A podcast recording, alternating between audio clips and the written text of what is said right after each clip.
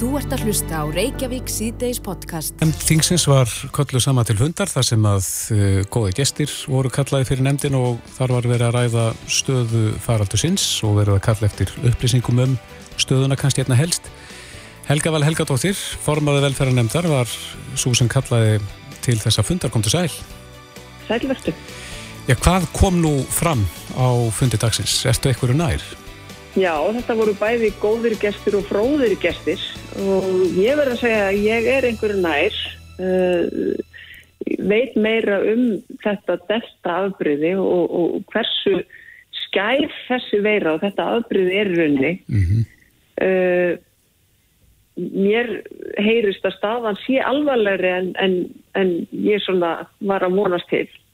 Uh, þetta hef ég líka verið að hlusta á upplýsingafundina en, en hérna en maður finnur það að það er, það er punkt í fólki sem að þekkir best til stöðunar. Já. Eh, hverja kolluði fyrir fundin í dag? Við fengum landlækni og, og, og staðgengil sóttvartalæknis, eh, fórstjóra landsbytala, Má Kristjánsson sem er yfirlæknir smitt, eh, sjúkdómadeildar og eh, Ingi Leif Jónsdóttur sem er professor í ónæmisfræðum sem mm -hmm. veit allt um bólusetningar og, og þess að þess. Þannig að þetta var svona allur ringurinn þarna. En var eitthvað nýtt sem kom fram á fundinu sem að, sem að þú vissir ekki? Já, sko, já, veist, það er þetta, þetta, þetta delta afbríði sem að er svona miklu meira smittandi og er einhvern veginn að hafa meiri áhrif uh, og það er ekki bara hér, það er alls staðar. Uh, ég vissi auðvitað af mjög vondri stöðu á landsbytalanum. Það hefur, landsbytalan var í, í viðkvæmri stöðu fyrir COVID. Mhm. Mm og, og, og, og ég hef áhugjur af stöðunni þar og það þarf auðvitað að, að bregðast hrætt við. En svo þurfum við auðvitað að horfa í lausnum hvað er hægt að gera og mér heyrist að allir séu samálum það að, að hefja skemanir á landamærum, það er auðvitað þar sem þetta byrjar allt saman og við eigum bara að gera það. Það voru mistök, alveg klárum mistök að hætta því og það er ekki það íþingjandi að við getum ekki leist það. Mm -hmm. ef, ef fólk ákveður að fara í ferðalag þá er það ekki íþingjandi að fara í eina skimur. En svo er spurning hvort að við eigum að taka upp þessi hraðpróf í, í, í, í meira mæli eins og týtkast viða erlendis að fólk þurfi þá að sína einhvers konar hraðpróf þegar það mæti til vinnu til dæmis í skólum og helgriðskerfinu að námsmenn þurfa að skila þessu innöru kóru, það, það fekkist í nákvæmlega löndum okkar þannig að mhm. hérna en Helga Vala um litlu börnin, ég tala um aðeins eldri nema en, en það hefur líka komið fram kannski, kannski aðeins svona veist, við, það voru borna frá spurningar um það af hverju við erum ekki byrjuð að bólusetja til dæmis þá sem er að, eru að byrja í skólanum hérna núna bara eftir 2-3 vekur sko. Já, hver, voru eitthvað svör við því? Nei, í raunin ekki það, það er bara, þú veist, að skipulægið og svona sko þetta áttengin kannski vonaðu þessu að þetta væri staðan en, en, en það var samt alveg strax að það var 19. júli sem að var ljóst að við varum búin að missa tökkin á, á stöðunni mm -hmm. En það hefur líka komið fram í viðtölum við stjórnvöld að, að menn hafa svona tekið þá þann kurs að að læra að lifa með veirunni og nú verður freka liti til sko stöðu og fjölda alvarlegra veik, veikra í, í hérna þessum hópi, frekar heldur en fjölda smita. Finnst þið það raungleið? Uh, já, lifa með veirunni. Ég menna, við þurfum að átt okkur á því hvað við erum að segja þegar við erum að segja að lifa með veirunni. Einhverju talum að verja viðkvæmustu hópana. Mm -hmm. Já, vissulega. En þeir sem að annast viðkvæmustu hópana búa úti í samfélaginu, hvernig ætlum við að taka á því, ætlum við þá að loka allt starfsfólk inni og hvað gerum við þá með fjölskyldur þeirra. Við þurfum auðvitað að þetta þarf að vera raunhæft. Það er allavega alveg ljóst að okkur hefur aldrei gengið neitt með það að láta veiruna bara ganga. Við höfum alltaf þurft að bregðast við einhvern veginn. Þessi, veira, þessi veira er ekkert að hlýfa okkur. Það eru bæði bólusettir og óbólusettir að veikjast Eh, þeim fer fjölgandi sem eru, eru innilagðir þó að það sé þetta reynd í lengstu lög að hafa fólk bara dagdild eh, í alls konar fjólustu, bæði að fá súrefni og, og vögva í æð mm -hmm. og það eru þetta reynd eins, eins lengi og hægt er að fara ekki í innlög. Það kom líka skipt fram á fundinum. það er ekki nema bara það sé algjörlega óforsvaranlegt að senda fólk heim sem að fólk fer í innlögn þannig að það eru miklu fleiri veikir út í samfélaginu En, en finnst þér Helga en, að það eigi meða við þar upplýsingar sem komið fram á fundinum í dag, finnst þér að eigi herða tökin og, og sóttvarnaralgjerir innanlands? Já sko, fyrir mér, mér finnst ekkert tiltöku mála að skella grímun og andlitið á aður en ég fer út og heiti annað fólk. Mér finnst það ekkert sérstaklega ítingjandi. Þannig að þú vilt taka upp grímustildu aftur? Já, ég menna, við, við þurfum einhvern veginn að, að reyna að stöðva þennan veiru fjára. Mm. Að... En það er grímustilda núna það sem ekki er hægt að tryggja uh, metra á milli? Já, Þórólum vildi tvekja metra reglu. Hmm. Við veitum að það virkar. Akkur er það verið að fara í einsmetra? Akkur fyrir við þá ekki bara og, þetta eru lámarks aðgerðir. Mm -hmm. Þetta er ekki mjög íþingjand að skella þessi fram að því að áður um að fyrir út í búð. Nei, en, en þessi fundur í dag var hann svona... Já, einmitt. En var hann fyrst og fremst svona til þess að upplýsa ykkur nefndar menn? Eða verður eitthvað, eitthvað gett í kjálfari á þessum fundi? Uh, mögulega.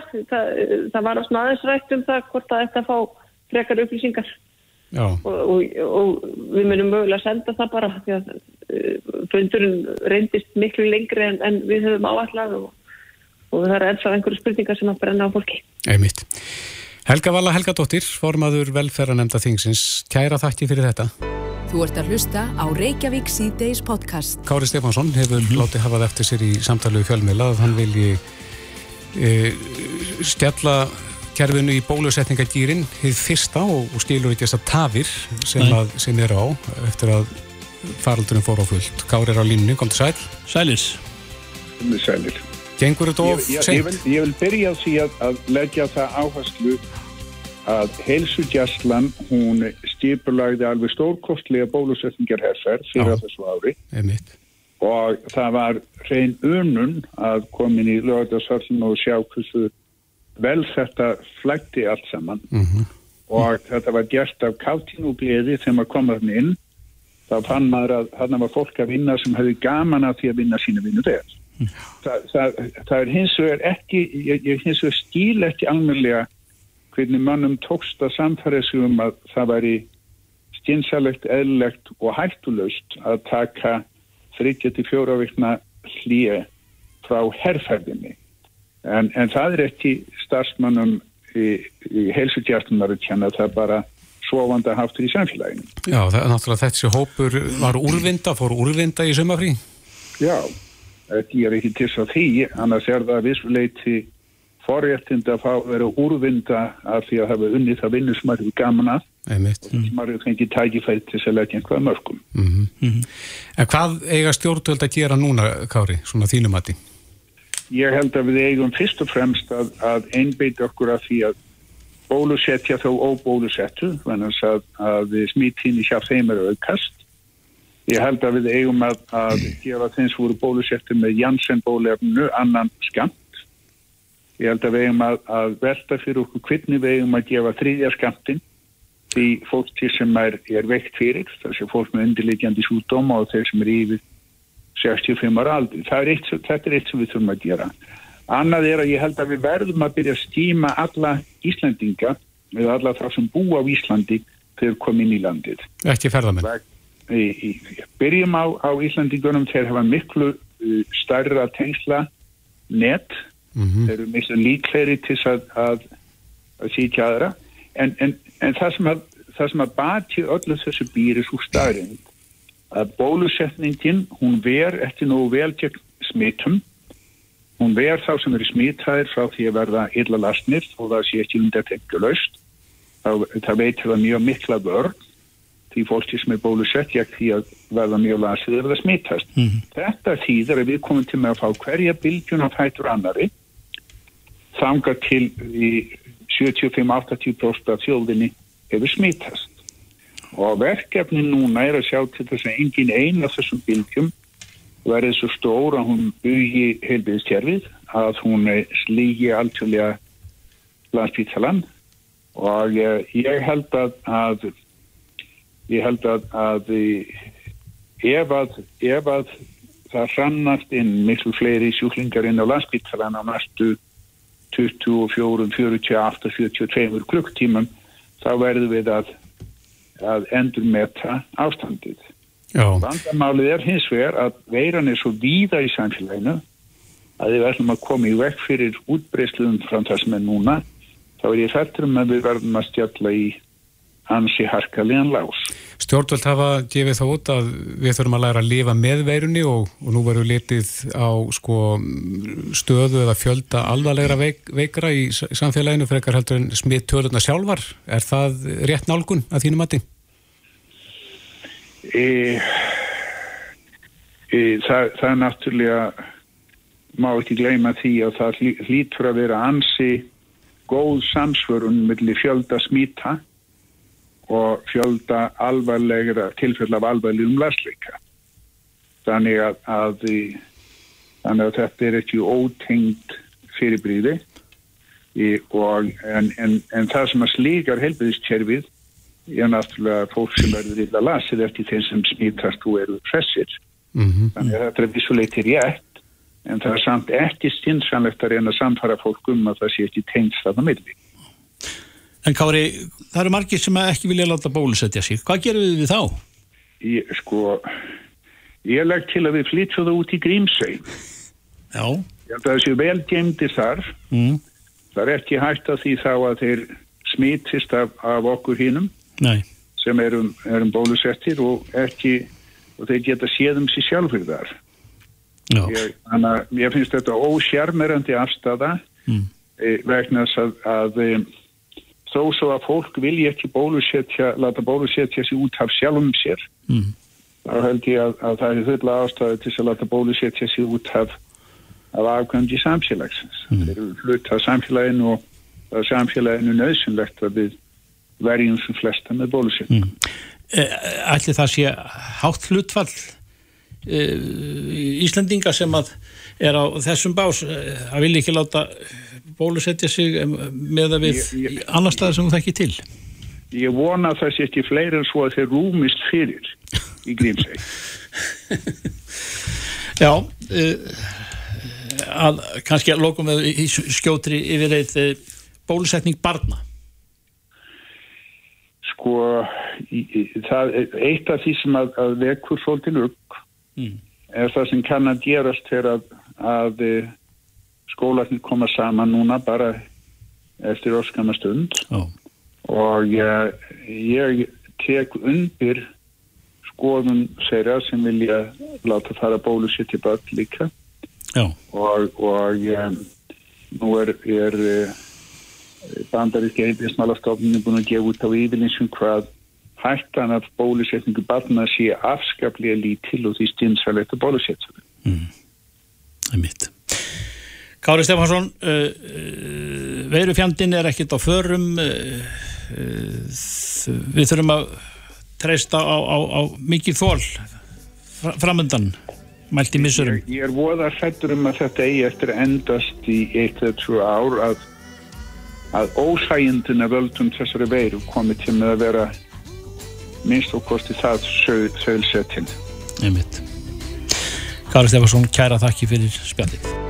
Hlustaðu hvena sem er á Reykjavík C-Days podcast. Ég er með slæma hrætti fyrir þig. Að því að veit þú ætlar að hlaupa hálmarathon í Reykjavík-marathoninu. Já, ég, það hefur nú ekkert verið slæma fréttir af því þó að þú haldir það kannski. Ætlar ekki að hlaupa kannski? Jú, jú, jú, en, en, en sko, þú kemur eiginlega upp um það sem ég hafði ætlað mér að við skulum orða þessum eins og stjórnmálamadur, ég ætlaði að huga að þessu með alvör, í alvörinni. Að, að hlaupa. Já, Já. En Silja Ólafsdóttir hjá IBR, upplýsningafulltrúi fyrir þetta hlaupir á línu, kom til sæl. sæl. Komið í sælir. En það er ekki öll nótt úti fyrir Þorgir. Hann, eh, það, það, það frestast aðeins, er það ekki? Jú, við erum- að fresta Reykjavík marathonu til 18. september. Mm Þannig að það gerst bara meiri tími til að að æfa sig Já. og bætingarna verða bara meiri. Einmitt, en uh, eigið þið vona því að staða faraldursins verði orðin betri í september? Við náttúrulega getum ekkert vita það, en óvissan er bara svo litið mikil núna og það er erfitt að ætla sér að halda hlaup eftir 2-3 vikur eins og staðan er núna. Hvað voru margir búinir að skrá sig Það er uh, yfir 6.000 mann. sem alltaf hlaupa? Er það, er það minna heldur en undarfærin ár? Já, já, við finnum alveg fyrir COVID-inu en, hérna, en þetta er samt bara lítið vel út sko. Yfirleitt, sko, yfirleitt er það þannig að eftir verðsamna helgi þá gefa allir í og fólk fer í eitthvað svona kast eftir sumarið og ætlar að fara að æfa og, og koma sér í stað og þá oft byrjaði á Reykjavík marathonu. Já, en það er líka hlaupi til góðs og það eru mörg góðgerafélug sem að njóta góðs af, af þessu. Ert þú með eh, á hreinu upphæðina sem að eru komnar í áheitum?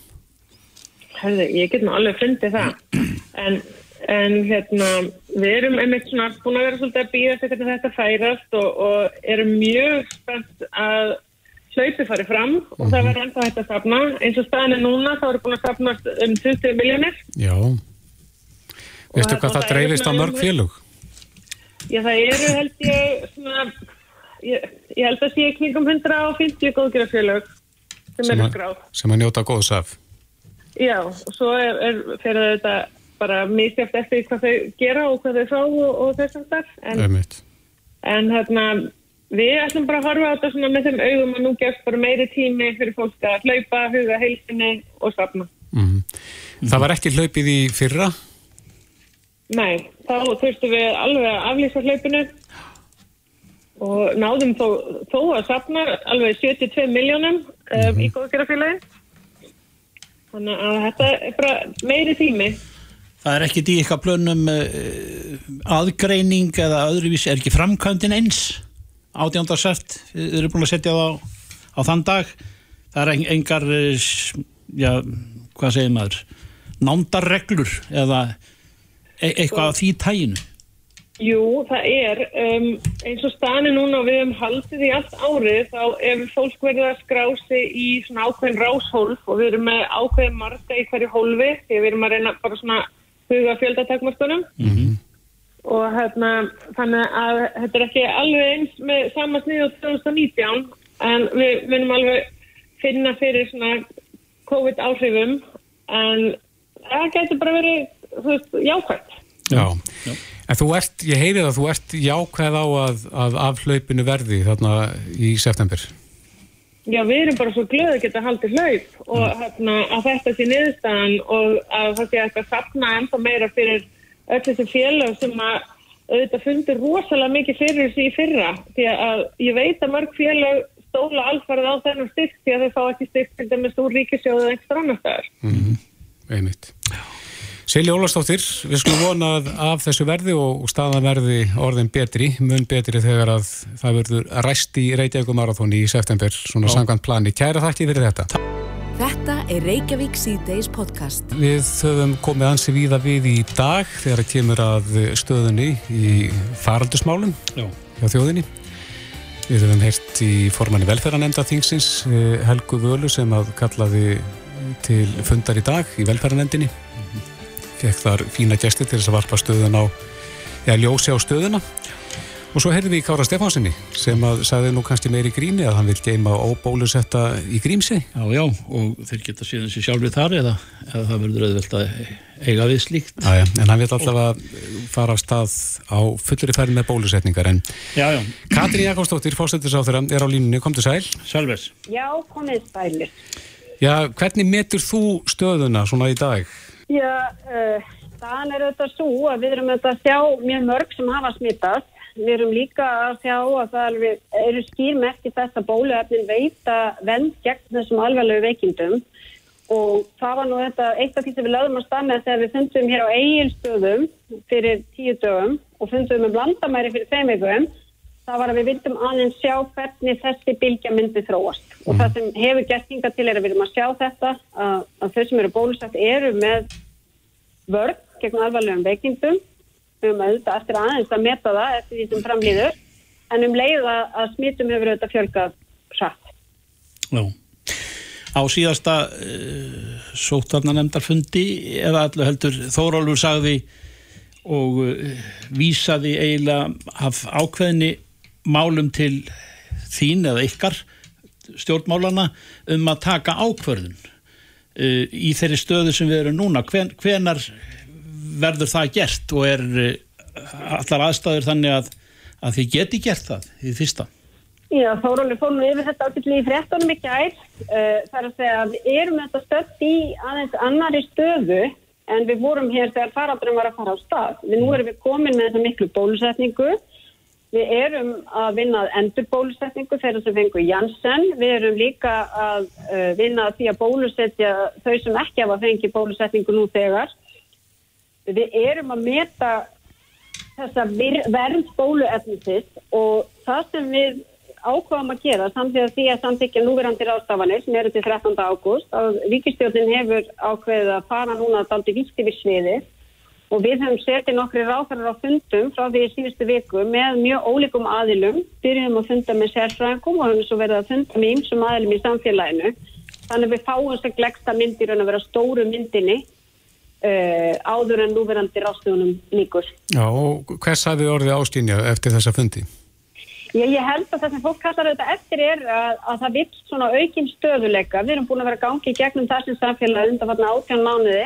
Þetta hefur verið aldrei eins og harmonika, uh, herðingar og aflýtingar og að sjálfsögðu kalla fólk eftir því núna uh, ef svo fer að við sjáum að það, það er svona dreyður á eftir alvarlegum veikindum að við getum haft svona aukinn stöðuleika í okkar ástöfunum og það er þetta breytingin sem er að verða um leið þurfum að hafa varan á. Við erum núna eiga við þetta besta aðbrið sem er mjög smitandi, meira smitandi en fyrir aðbrið og það munur koma nýja aðbrið. Þannig að við þurfum áfram að hafa varan á þetta gafast til.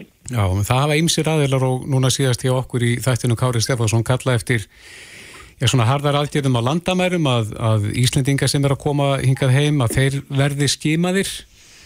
Akkurat. Allir með tölu. Hefur það komið til tals í ríkistjóninni að, að bregða á það ráð?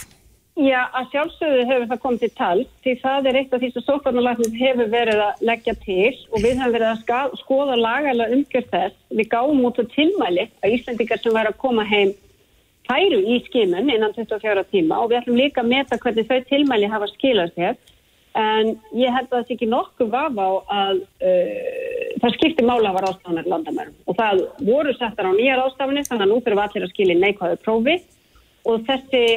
og það var að tilhjóða sótarnarnaknis og hinn til að miða þessu og hún er sem sagt til skoðunar því það skiptir auðvitað líka máli að, að hérna uh, að bæði hún sé frankamanlega en ekki síður að lagalega umgjörð hennar sé í læg. Mm -hmm. Erlendir ferðamenn? Já, hvað með þá? Já, landamærin og, og þeir? Ég til að sótarnarnaknis miða þetta að því að það skildi sérstaklega hortið þeirra sem hefðu tengst við samfélagið Mm -hmm. uh, og fyrir því eru þetta ákveðin sóttvarnarleg rauk því við erum auðvitað að sjá og það eru auðvitað það sem við erum að horfa til hvernig getum við tryggt það aðgerðunar okkar uh, séu svona markmiðismiðaðar getum við sagt. Það var auðvitað ástæðan fyrir því til dæmis að við ákveðum að fara aftur í það að skerða opnunatíma og, og hérna setja fjöldatakmarkanir þannig að ekki voru haldnar úti á til við erum auðvitað að horfa til þess að þannig eru kannski staðir þar sem er líklega en ekki að smitt geti breyst út. Mm -hmm. Serðu fyrir þér að þegar að þessum tíma líkur, það er að segja þessum tíma sem er gefið núna í, í þessar sóttarnar aðgerðir að, að það verði hert eða slakað svona meða við þróunina síðustu daga? Já, nú er það bara þannig uh, að við erum með þetta ekki með, uh, sko, það má segja það að við erum stöndum í framalega í heiminum þegar kemur að hlutfalli bólusettra. Og það sem við hefum verið að læra á þessu og að því að við stöndum í, í farabróti þá erum við daldið að taka þá er enginn forskrift upp í hillu sem við getum sótt og fyrst, við þurfum daldið að læra þessari reynstu núna. Við sjáum það að þó að bóluefnin veitir þess að vörð hverjum og einum þá verður þau ekki að ná að skapa þetta hjarð ónæmi sem við tölum um framanaf Uh, þetta er allt greiðilega mikilvægur upplýsingar og við vunum í sjálfu sér uh, á næstu dögum sjá betur hvernig staðan til dæmis er að þróast á spítalanum, hvað var það þau sem hafa fyrst að leggjast inn. Og út frá því munum við taka okkar ákvarðanir. Og ég vil bara segja það það sem hefur gagnast okkur best í þessum faraldri það er að taka ákvarðanir sem byggjast á gögnum og upplýsingum. Og það uh, er það hérna, sem við munum halda áfram að gera. Já, Ingileif Jónsdóttir, professor í ónæmisfræði við Háskóli Íslands og deildastjóri hjá Íslenskri erðagreiningu, hefur kallað eftir því að uh, skólabörn verði bólusett núna áður en skólanir hefjast. Mm -hmm. Hefur það komið til tals? Um, já, við höfum verið, í raun og verið þessi ákvörðin liggur hjá okkar uh, sérfrængum, sótanarlætnum og hans liði. Þau hafa verið að fara yfir uh, svona áhættu matið í kringum það Uh, annars verður við að meta veikindi uh, barna og ungmennar sem hafa smittast að COVID og hins vegar mögulegar aukaverkanir á bólusetningum. Þannig að þessi ákveðum verður bara tekin alfarið á uh, grunni vísindana en Já. þetta er til skoðunar. Og eitt af því sem hefur verið hort til er að við hefum vonað því að fá frekar í nýðustöður ansóknar á bólusetningum á börnum og ungmennum og þessum aldrei núna síðar í þessum mánuði. Þannig að það er og með því er fylgt. Mm -hmm. En getur komið til greina þá svona þegar að svo nýðast að líka fyrir að, að fresta skólasetningu og uh, bólusetti áður? Já, við höfum verið að stefna því að skólani getur farið af stafni sem ennlustum hætti og það eru þetta þannig og ég myndi segja að það standi upp úr öllum þeim sem við erum að funda með. Eila sama hvað þeir eru stattir í samfélaginu, það er að hérna, það er gríðalega mikilvægt að skólahald sé sem ennlast að börnin geti áfram uh, sótið í, í sér sína mentun og það sé rútína í þeirra lífi uh, það er mikilvægt ekki bara fyrir börnin, það er mikilvægt fyrir fjölskyldur og það er mikilvægt fyrir hérna vinnumarkaðin og það er mikilvægt fyrir jafnleiknismál mm. líka. Ég held að þetta er mikilvægt ákvörðin sem við hefum tekið að halda skólanum okkur þannig að þess vegna stefnum við nú á að skóla hafði verið sem eðlustum hætti en við vitum það líka að ef svo ákvörðin er tekin að bólusita börn þá er þetta framkama það hratt og örugla. Mm -hmm og, og heilsugjæslan eh, hér á höfuborgarsvæðinu sem annar staðar á landinu er tilbúin með áallanir varðandi það. Katrín, þú ert búin að ræða við marga hópa og, og hversu, hversu vítakt er, er þessi eftirgrænslan ykkar um hvernig liggur á fólki, hvernig fólk hefur það í raun og veru uh, og svo sjálfsög afstöðu til, til uh, bólusetninga? Ég held að, að sko bara heitt yfir, um, sko við erum búin að eiga einhverja 60 fundi mm -hmm. uh, með sérfræðingum, með fulltrúum launafólks, atvinnureikenda, vorum að ræða við skólafólk í dag, uh, menningar, uh, fólk, íþróttafólk, uh, fólk sem er að sinna velferðarmálum í víðum skilningi þess orðs.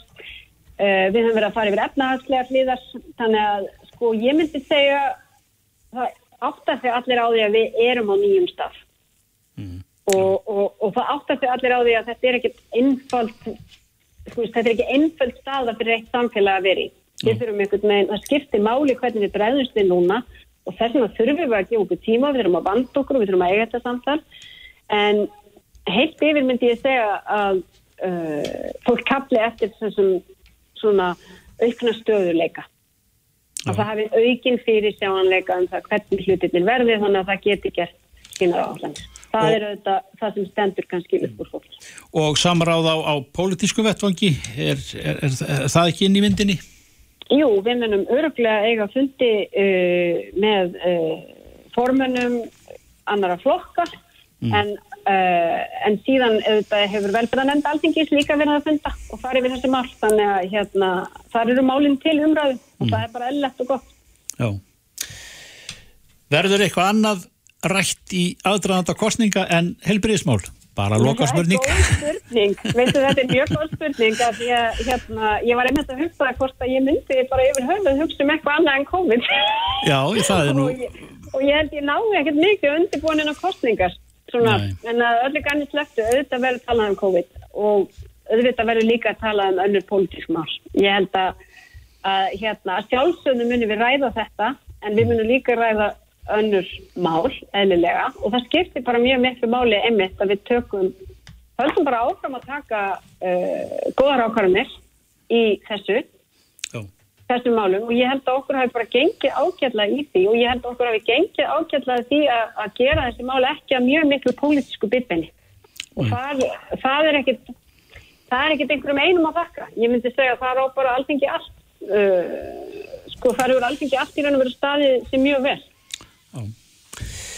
Gott til þess að vita uh, við sjáum hvað setur eins og við segjum það, það er stutt í, í, í kostningarnar og, og málin eru mörg þarna bak við tjöldin ef, Já, ef, já. ef, ef orðinu það svo og það eru ímest viðfangsverðin sem fara ekki neitt og við stöndum í COVID sko. Uh, ég meina við munum þurfum að ræða ímest annað efnahags og atvinnumál og losflaskmál og jafnbryttsmál þannig að það, þau mál fara ekki neitt þannig að ég held að það verði margt til umræðu til kostningar en öruglega COVID líka.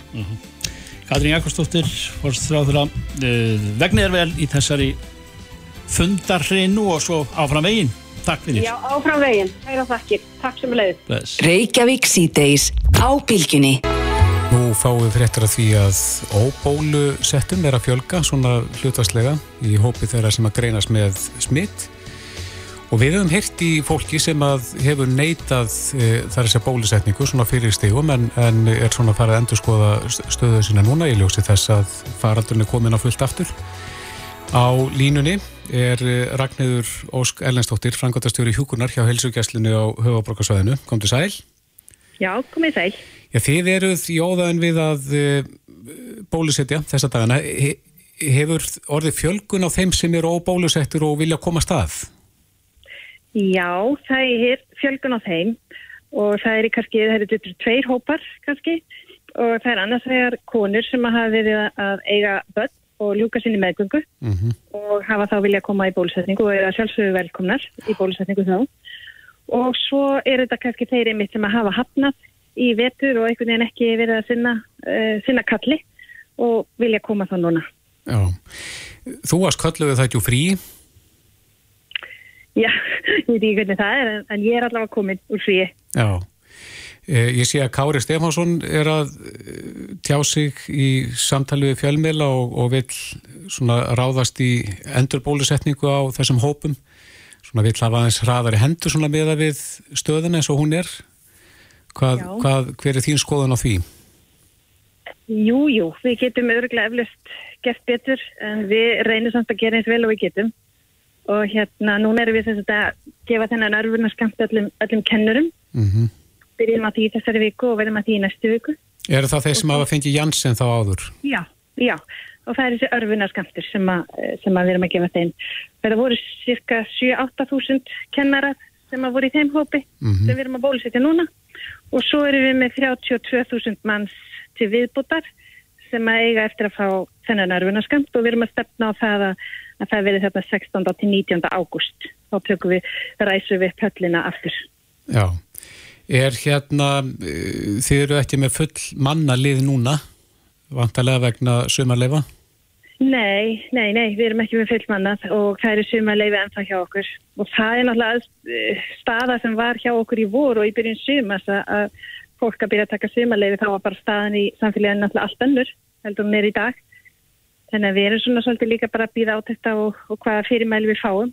En auðvitað minnum við bregðast við ef við fá- fáum þau fyrirmæli að, að kalla fólk úr sumarfrín þá minnum við gera það en það hefur ekki komið til þess að þá Nei, en þið eruð að fá til eitthvað fólk sem að hefur snúist hugur varðandi bólusetningar.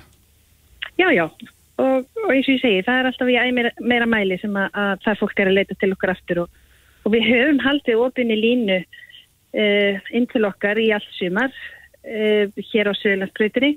Það hefur verið klukkan tvö, þá hefur fólk komið og þetta hefur einhverjum verið til dæmis nefnendur sem eru erlendis og eru að koma heim og eru í sumafríi og, og við höfum þennan opna glukka fyrir þá Mm og, og svona annað fólk sem að, hérna, hefur ekki átt heimangengt eða ekki komist til okkar í bólusetningu þannig að það er búið að vera opin lína fyrir þá sem eru óbólusettir til að koma til okkar sko. Eru þið að gefa Janssen ennþá svona sem fyrsta skamt? E, fyrir þá sem óskaðir þá er það í bóði að það, það er alltaf einhver sem að hérna óskar þess og þá er það sérstaklega einhver sem er að fara erlendis og, og vantar bólusetningarskiptinni með hraði Mm En sem að kalla það vantarlega á aðra sprautu síðar? Já, akkurat. Að En, en, en svo er, er Janssen fylgilt bólusetningarskiptinni, þannig að það er sömur sem velja það. Já, akkurat. Mm. En e, þú átt vona því að, að vélinn verði ræst að nýju innan, innan tíðar? Já, já, við gerum það. Við gerum bara það sem gera þarf og þetta er kannski, við, við heldum við værum komið með þarna varnar vegg en hann bara einhvern veginn held ekki, þannig að þá er ekkit annað að gera en að, að bara að stoppa í og, og, og bæta við og, og gera betur. Já, hvernig líður ykkur með það sem að voruð í þessari stemningu nýri höll, uh, svona kláruðu þetta íttu þessu vel áfram þegar að fréttir báruð síðan að því að, að varnavekkurum væri rofin? Ég skal ekki neyta því að auðvitað var maður pínu, pínu svektur. að því að við vorum búin að leggja svo rosalega mikið í þetta og keppast við að einmitt að klára fyrir sumarið og allir gæti átt gott sumar og, og, hérna, og þetta var svona ekki það sem við byggum beint við, við heldum að bólusetningi myndi halda betur. Mm -hmm. en eins og sótarnalekni hefur bent á að þá er ekkert á vísan að róa í þessu og við verðum bara að taka hverju biti sem er og halda bara áfram. Einmitt. Ragnhildur Óskar Lensdóttir, frangotastjóri húkunar hjá Helsugjæslun og Höfuborgarsæðinu Takk fyrir spjallið. Já, minn Reykjavík síðdeis á Bilginni podcast. Það er saman ótrúleg vekkferð veirunar þessara COVID-veiru all, með öllum afbröðum og, og svo framvegis og, og, og svo aftur kostningar framöndan.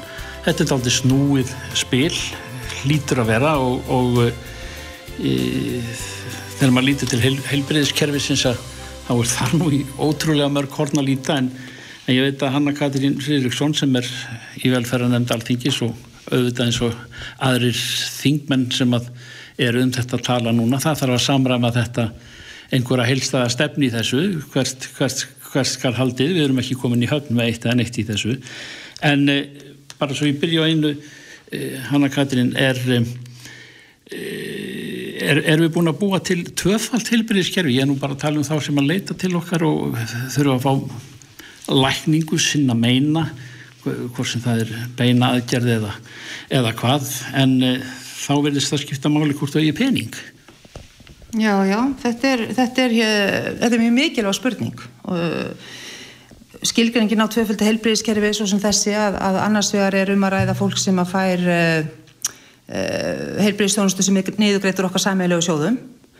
Og síðan er það einstaklingar sem þurfa að borga þjónustun á fullu verði að hún er ekki niðugrætt mm. og við höfum blessunarlega verið að mestu laus við slíkt, það hefur verið almenn samstæði hér um að heilbríðiskerfi okkar væri ofinbært, það væri greitt unum ofinbæri sjóðum, en það eru blíkur á lofti, þetta, það hafa verið undatekningar eins og tannleiknar og, og sálfræðingar að miklu leiti og annars líkt, en, en, en heilt yfir hefur kerfi verið svona og samstæðum það. En í tíð þessara ríkistjóðnar eins og ég hef margóft bent á, ég og fleiri svo sem, þá hefur orðið svona ákveðin kúvending.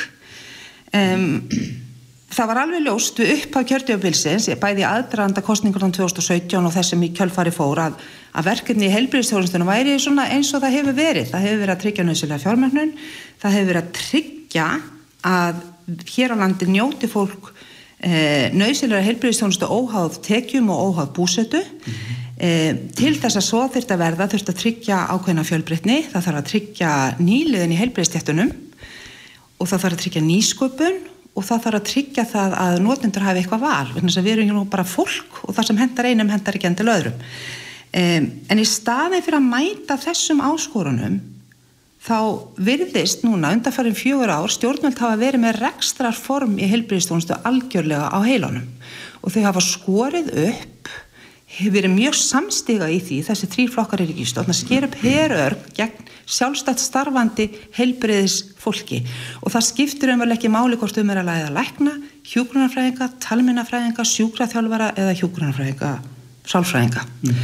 Um, og þetta hefur haftar afleðingar að þjónusta hefur verið lögð niður víða eða hún hefur flust að ölluleitið að hluta til yfir á ríkisræknar heilbreyðstofnarnir, spítala sem eru önnum kapnir ánst að þeim hafi verið gert kleiften til að taka við þessum verkefnum. Afleggingin er síðan svo að það er myndast pressa það myndast annars vegar bygglistar sem er ekkit að gera við, fólk bara þjáist býður og þjáist, við þekkjum það til dæmis og liðskiptaðagjörnunum um, og það myndast síðan pressa á það að heilbriðis uh, starfsfólk fyrir að bjóða þjónustuna utan samnings, ef svo má segja, af því að ríkistöndin getur náttúrulega ekki banna fólki sem hefur aflað sér mentunar og fengið tilskilin réttindi frá landlækni að bjóða þjónustu. Mm. um, þau geta neitað að setja þau á samning, þar að segja þau geta neitað að niðugræða þjónustu þeirra úr ofendru sjóðum.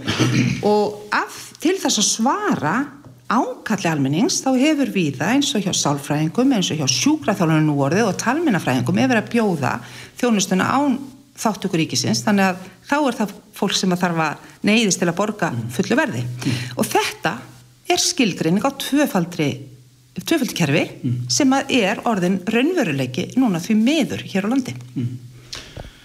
Um, blandað hagkerfi, getur við sagt... E Ehm, hefur eitthvað grunu það hvert sko, viðhór almennings er til þessa?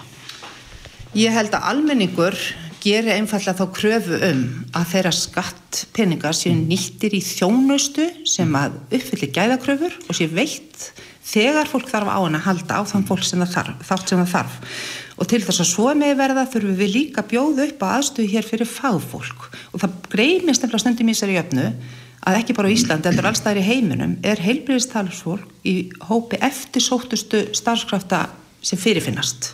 Þannig við verðum einfallega að ná að laða að okkur um, þessa starfsmenn. Þetta er allt sem almenningu vil.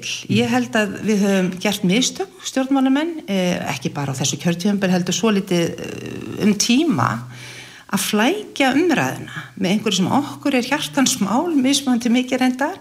Fólk vil bara almennilega þjónustu og, og ákveðin hluti eh, skattekna eða tek, tekna ríkisjós fari í að tryggja þá þjónustu sem við þurfum að bjóða upp á til að geta kalla okkur velferðarkerfi, mm. velferðarsamfélag.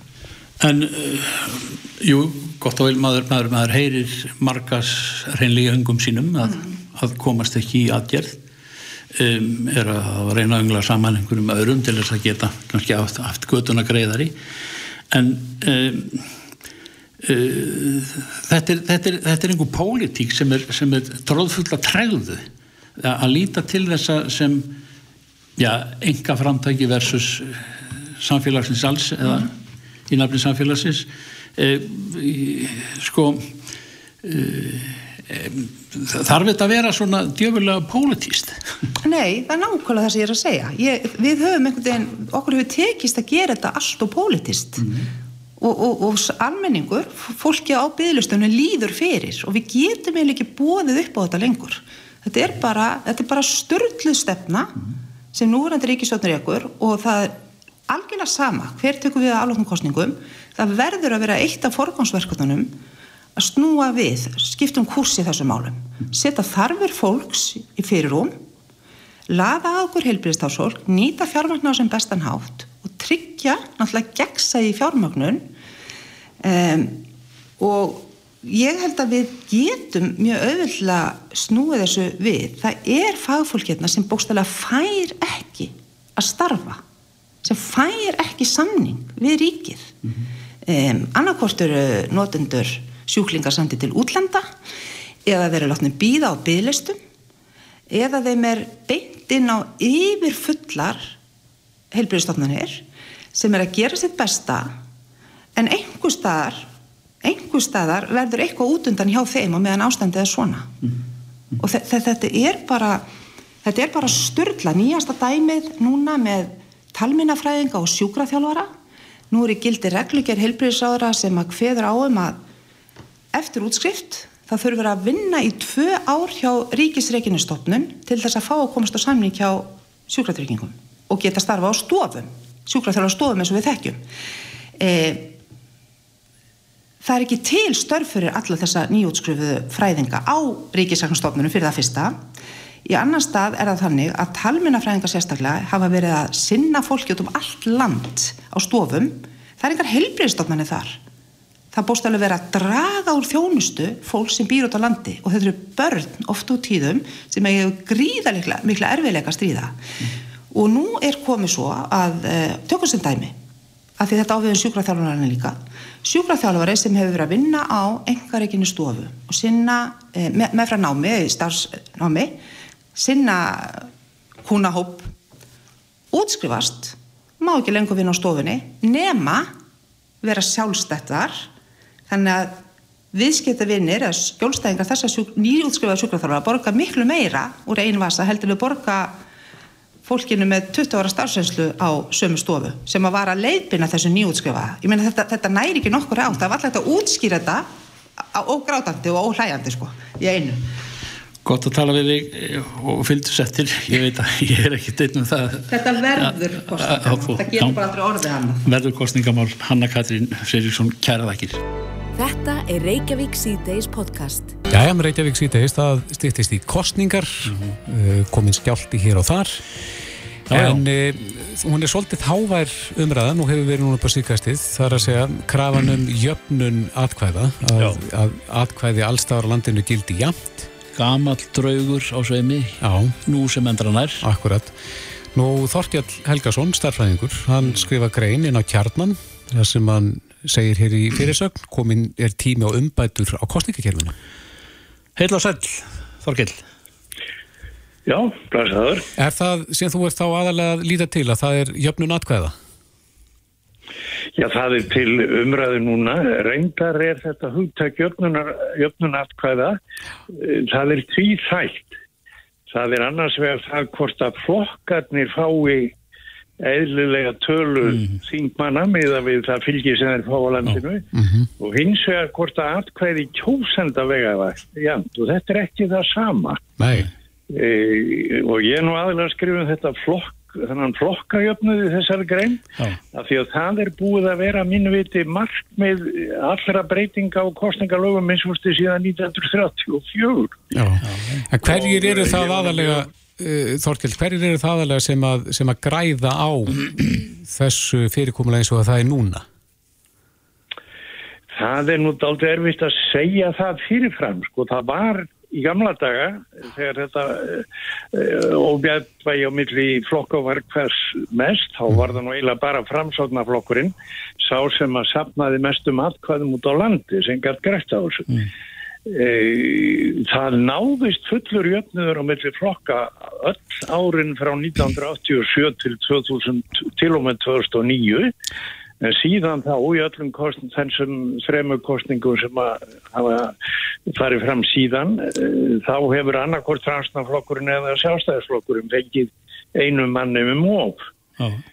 Og uh, það kannski, menn kunna kannski segja þetta sem beita mönnur en ekki fjár, en uh, aðalaltrið er að þetta á að vera jæmt. Menn en... vilja ekki að þetta sé jæmt, ég held að allir flokkar vilji það í rauninu. En nú, er, nú eru, manni skilst hvað, tíu flokkar sem bjóða fram í, já, ég er allum kjörðum að ég best veit, ég er kannski ekki alveg búin að rýna í þetta nóg, en, en hefur það að segja, hversu margir eru á dekkinu? Jú, jú, mikið lósk, jú, jú, mikið lóskup. Það eru nefnilega, hvað er genið þrýra þessum flokkum sem eru kannski rétt yfir 5% tröskuldinum já, já. og fá væntalega enga kjörðama kjörna. Mm -hmm Þannig að þeir eiga þá í rauninni rétt á nýju mönnum, þrýr hver mm. og þar með eru öll jöfnunarsætin upp urinn í því sem eina tilgangi. Þannig að einhverstað verður að láta undan. Þannig að ef maður leikur sér svolítið að tölum mm. í kringum, uh, kringum kostnarspár núna, mm. þá er allt sem bendir til þess að verði ein, eitt eða tvö sæti sem lendi ekki á réttum flokki Nei. og það en, getur haft til mikið að segja við stjórnamöndun já, já. En getur aðeins rifjað upp með okkur sko, hvar byrjaði þetta? Hvers vegna ákvaðu menn að, að hafa að láta atkvæði á sömum stöðum gilda meira heldur en á höfuborgarsöðinu?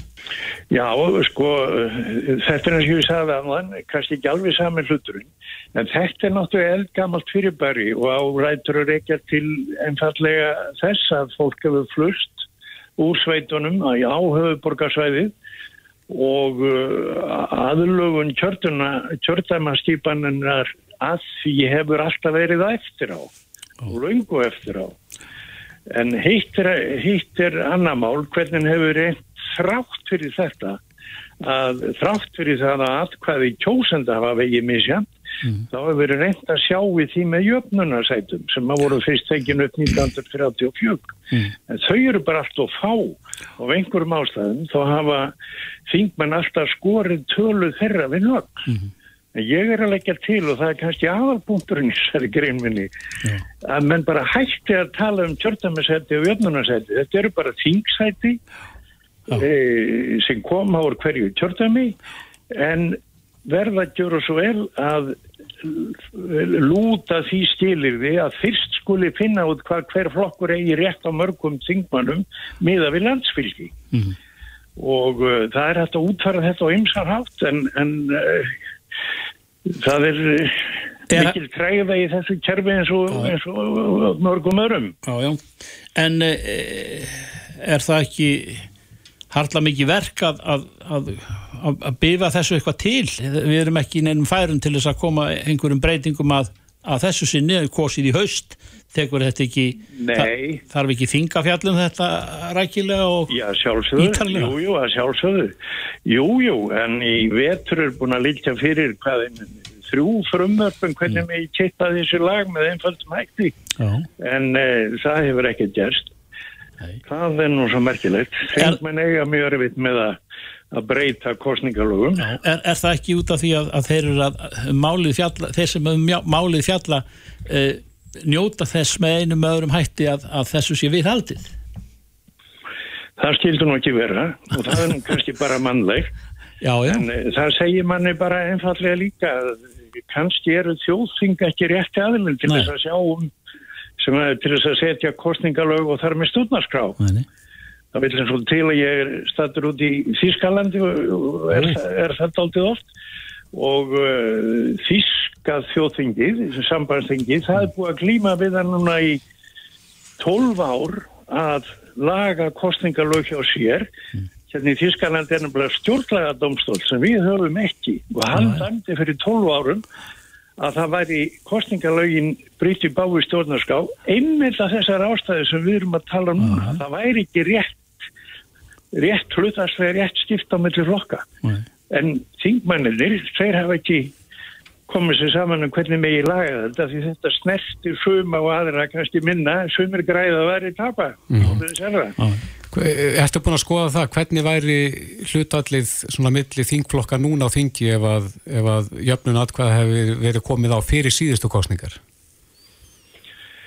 Já, það er eh, það er einn uh, framsóknað þingmaður sem að, að hefði þurft að víkja en nú er ég búin að gleyma því hvert hann hefði farið, það er hann að gott mm. samfélstingin eða píratar, ég manna ekki er ekki með það hérna fyrir fram að mig en það er nú kannski ekki aðlægt því hverju þetta eru, heldur bara að annarkvort þegar hlutirnir að vera réttir eða ekki sko. Já, akkurat. Já, Þorkjell Helgason, það má lesa þessa grein þína inn á kjarnanum. Kæra þakki fyrir þetta og bestu hverju til. Þýskalands. Já, takk að þið fyrir Reykjavík síðdeis á Bilginni podcast. Fólk hefur eflust tekið eftir að bankaþjónusta hefur breyst mikið á undanförnum árum og uh, þjónustan er svona í töluverðumagni að færast inn á netið úr þessum hefðbundnu útibúum og uh, það nýjasta tökum eftir í því bankaappi sem að hefur lotið einhverja mestra hilli þegar að kemur að viðmóti og notendum er uh, Arjón banka appið. Á línunni er uh, Haldur Harðarsson, markastjóri Arjón banka, komdu sæl. Sæl. Já, þið hafið nýverið tengt appið ykkar við kaupöllina ekki, að nú getur fólk verslað hlutabrif í gegnum appið. Jú, jú það er rétt. Við hérna uh, kynntum uh, hlutabriðakaup og uh, kaupa í verðbriðasjóðum í appinu núna eða rétt fyrir meðan mánuð í júni, júli og uh, erum greiðlega stolt af þeirri þjónustu og fengið mjög góða viðtökus til að hérna, í fyrstu allafana. Já. En hvernig er þetta bara lítið mál? Maður fer bara inn á appið og, og, og verslar þetta eins og hvernig hann er hlut, eða?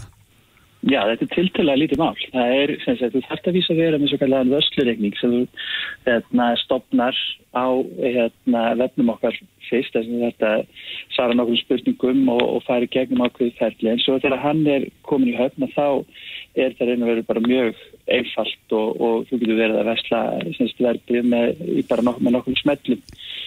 Er gríðarlega hérna, gott fyrir almenning að geta hérna, svona auðvelt aðgengi að verðbríða viðskiptum og í gegnum appið og þá líka aðgengi að upplýsingum um, um, um þróun ámörkuðum og, og, og hvernig eignasafn hvað sem eins er að þróast. Já. Er alltaf mikilvægt fyrir fjármálamarkaðin líka að, að eh, fá sem flesta til þess að taka þátt og, og, og eiga í þessum fyrirtækjum sem eru skráð í kaupilina. Já, er, er þetta góðu kostu svona til, til framtíðar að, að fólk uh, sapni pening til framtíðar í gegnum hlutabrif? Ég held að fólk verður bara að mynda það. Og, og það sem það fer bara eftir aðstæðan hversu eins, myndi ég segja. Og það er mikilvægt, mikilvægt hluti því er þetta bara upplýsingar og, og aðgengi, myndi ég segja. Mm þannig að hérna, það verður bara fyrir að einna að meta það fyrir sig hvað hann tilur hérna, rétt og hérna en allavega þá er aðgengi til staðar. Einmitt. En hlutabriðamarkarinn íslenski þar að segja fyrirtæki í kaupöllinni, þetta er ekki langurlisti? Nei Þetta er ekki, ekki stórlisti enn sem komið er en þeim er að fjölga. Já, en sérðu fyrir tengingu við erlenda hlutabrifa markaði í framtíðinni? Þannig að fólk getur kæft á í erlendu félögum? Það e, bara má vel vera. Við erum nú ekki bjóðið på það eins og er, en, e, en það getur verið. Já, en e, bankaþjónustan hefur svona verið að færast inn á netið og, og inn í appið. Það er að gera ansi margt núna. Uh, verður meira í bóði svona í, framtíðinu? Hva, hvað sér þau fyrir að geti fæst aðna meira inn? Já sko eins og staði núna þá höfum við náttúrulega verið að bjóða upp á þessu svona hefðbundu bankafjónustu og við sjáum að 99% af öllum e, e, sagt, e, snertingum við viðskiptafinni okkar er í gegnum appið og, og nótundin er að fjölga hérna, mjög hratt. Á öllum aldri þá? Já, öllum aldri og það er mjög gaman uh, að fylgjast til því að eldra fólk er að koma í meira mæli mm -hmm. og nýta sér þessi þjónustu núna á undanfjörnu ári sérstaklega. En, uh, en það getur við náttúrulega bara gert alltaf þessar helstu bankaðgerður með hrætt vil og öruglega og svo erum við búin að vera að bjóða alltaf upp á hérna, fjölbyrtari þjónustu og eitt af því er betri yfir sín yfir fjármálinn samstarfið menika mm -hmm. þar sem að þú getur fylgst með í, í hvaða nýslæðin er að fara og, og, og svo framvegs hérna, svo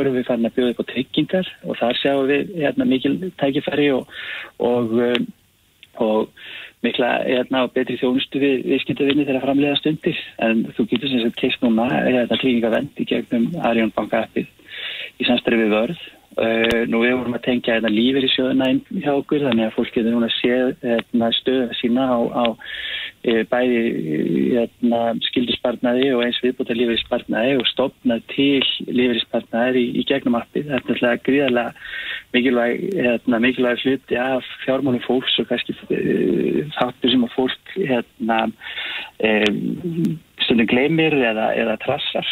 Þarna færður mjög gott aðgengi og góða yfir síl sem að hérna, hjálpar þér að fylgjast með og, og, og gera þar aðstafanir sem þarf til þess að þessi spartnaður hérna, farið sem best. Já. Og svo er þetta núna verbreyða vilskiptinn og, og það sem við búumst við er að við munum vera þjætt að þetta, hérna, þessa þjónustu núna á næstunni og svo hérna og auka þjónustuna til dæmis á trygginga hérna e, möguleikum mm gegnum appi.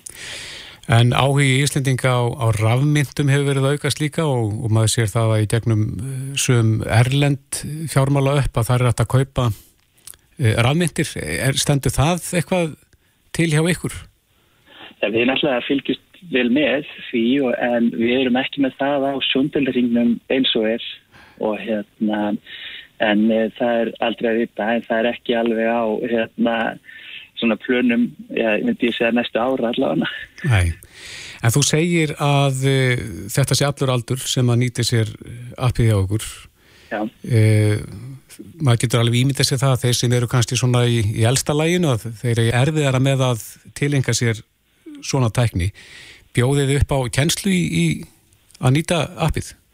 Já, við höfum gert það og uh, höfum verið með hérna, kjenslu og, og, uh, og líka bara greina góða leiðbenningar sem að fólk getur nálgast og, og uh, á hérna, netinu. Og svo auðvitað erum við bara alltaf að leita leiða til þess að hjálpa fólki að, að komast inn í þetta. En það er nú bara þannig að, að um leiðust svona búin að opna appið einu sinni að þá leiðir þetta áfram og það er nú kannski bara aðla bara að hérna rjúa þannan svona fyrsta múr bara að skrá sig inn og hérna og það er kannski bara oft líka sniðt að hérna fyrir hérna hættingja sem að kunna á það að, að hjálpa fóruldrum með af og öfum og ömmum að hérna komast inn eða eftir að komast inn að þá er þetta nú alveg einfalt. Einmitt.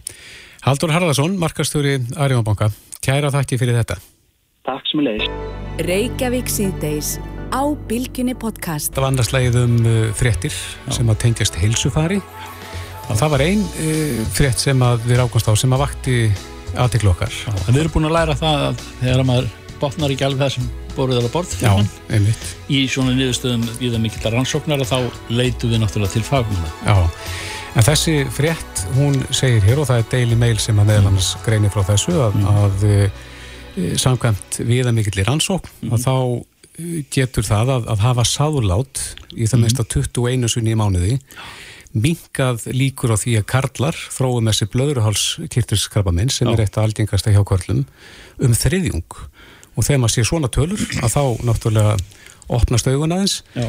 En uh, á línunni er Eiríkur Orri Guðmusson, þakkfara skurlagnir. Komdu sæl. Sælir. Ja, þú ert uh, búin að kíkja þess á þetta fyrir okkur og þetta eru reyndar ekki, ekki nýjar fréttir í það? Nei, þetta er hérna, þessi frétt fjallar um, um, um grein sem að byrst uh, í vísendaríti fyrir fimm árum Mm -hmm. og hérna, já, þeir eru greinlega að, að pikka þetta upp núna. Já, þetta er aldrei snarri snúningum. Já, þeir, þeir, hérna, þetta eru nú breyta, sko. Já. En uh, hvað er það við þetta, svona maður nýtur aðeins um þetta, uh, þannig er þetta er mjög nákvæmt, 21 skipti í mánuði sem að karlar hafa þá sálátt, hvernig sem það er nú framkvæmt, að það geti þá dreigið úr þessum líkum. Já, sko, ég, ég myndi eiginlega lesa þetta þannig að uh, eftir því sem mann hafa sálátt oftar, að þá er það að geta dreigið úr, úr líkum að mann þróið með sér krabba minn síðar Já. og þeir fundi þarna uh, með sínum reikningum að, að það er ákveðin svona skurðarpunktur við 21 skipti eða oftar í mánuði. Mhm. Í svona svo kallari fjölþáttagreiningu á, á, á, út frá sérst, fullta mismunandi spurningum og þessu. En þeir sem eru með e, krabba minn á þessum staði líka mannum, eru þeir e, mingar ekki getandi eða hæfni mannsins til þess að að eiga og hafa sálat? Um, nei, sko ekki á, á frumstigum krabbamessins, þá, þá finna mann auðvitað engan mun að þessu. Nei, nei. Það er að segja það er ekki, ekki krabbamenni sem slíkt sem er að, sem er að valda getuleysi eða, eða Nei. En Eiríkur, getur þú farið hans yfir svona hvernig þessi rannsóknar framkvæmt og, og svona helstu niðurstöður? Já, uh, rannsóknin sem slík er uh, hérna þannig að það, þetta er uh, sérst, hópur manna, tæpla 32.000 mann sem að fengu spurningalista til að svara á, á, á mismunandi tímapunktum. Og síðan mörgum ára síðar þá er svaraði þessur, sama spurningalista. og síðan er á, á svona löngu tímabili kannad hvaða heilsufarsbreytingar hafa átt sér stað og meðal annars hvort að minn hafi tróað með sér krabba minn í blöðrálskilli Já. og svo skoða semst, þessar spurningar og, og reyna að sjá hvaða atriði í lífstílsspurningar mataræði og reyfingu og, og, og fleira hvaða því uh, verðist hafa orsaka samhengi við mögulega sjúkdóma eins og til dæmis krabba minn í blöðrálskill Mm einnig varðandi sko, síkusíki og háþristing og fleira sko. Mhm. og eitt af því sem verðist hafa komið út af þessu er það að, að tíðari sálát ættu samkvæmt þessu að geta aukið eða mikka líkunar á því að með tróðum með sér krabba minn í blöðrálskilli Um þriðjung. Já, um, um, um alltaf þriðjung, já, Já. Í, í, í tilteknum hópi, sko. Er, er þetta í eðli sínu svona samkvæmt því sem að talið er gott og gilt í, í rannsóknum á þessum krabbamennum, þessum tíðu krabbamennum karla? Um, ég held að þetta tiltekna atriði, sko, er, er svo sem ekkert ofalega í, í, í, hérna, í þeim atriðum sem verður að horfa á varandi krabba minn, hvorki varandi hérna, þróun eða, eða meðferð, en mm. menn náttúrulega er að leita sko, að, að orsaka þáttum alltaf þannig að sko, besta meðferði krabba minni er að koma í veg fyrir að það myndist og, og það má svo sem lesa út úr þessari rannsók til dæmis að uh, eftir því sem að menn sko, tilenga sér betri lífstíl þá eru, eða hotlari lífstíl þá eru minni líkur á því að menn sko, þrói með sér krabba minn, ekkert bara í, í, í líka, og líka minni hætta á að menn fái síkusíki og hjartasjúkdóma og svo lið og við höfum alveg séð það að það er oft á tíðum, ekki alltaf en alveg ákveðin tengsl milli sjúkdóma í blöðrarskilli, bæði krabba minna og, og annar sjúkdóma tengsla við önnur lífstíls vandamál eins og hjartavandamál og háþristing og síkusíki og fleira þannig að þetta, er, þetta er eina bara mjög mörgum breytum í, í þessu orsaka samhengjörlu. Hver, hver, er staðan á, á þessu máli hjá okkur kollunum hér á Íslandi? Uh, staðan á hverju þá? Já, er, er þetta algengasta krabbaminn sem að kallar? Já, þetta, þetta hefur verið það í, í mörg ár og, og hérna uh, fjöldin sem er að greinast hefur verið nokkuð jafn undanfærin ár, þetta eru svona 190 til 220 manns á ári mm -hmm. sem er að greinast. Já. En aðeins að þessari rannsókn aftur, Eirikur, hva, hvað er það við sáláti sem að mögulega minkar þá þessar líkur? Um, já, tilgáttan er svo að við sálát, eða við, við tíðæri sálát, þá það verður alltaf losun úr kirtlunum á sæðisvökva og, og ef að það er til dæmis, eða það er einhverjar eitthvað bólgu áreiti í kirklinum og það getur verið eitthvað efni óaskileg sem hafa þá komið út í sæðisvökan og með sálátninu reynsast þá kirtillin og þá getur dreyið úr þessu bólgusvari. En það er alveg þekkt í einsum sjúkdómum eins og krabbaminum að, að viðvarandi bólga getur ítt undir hættan á að myndist krabbamin Eiríkur Orri Guðmundsson formaður félagsþakkfæra skurleikna kæra þakki fyrir spjallið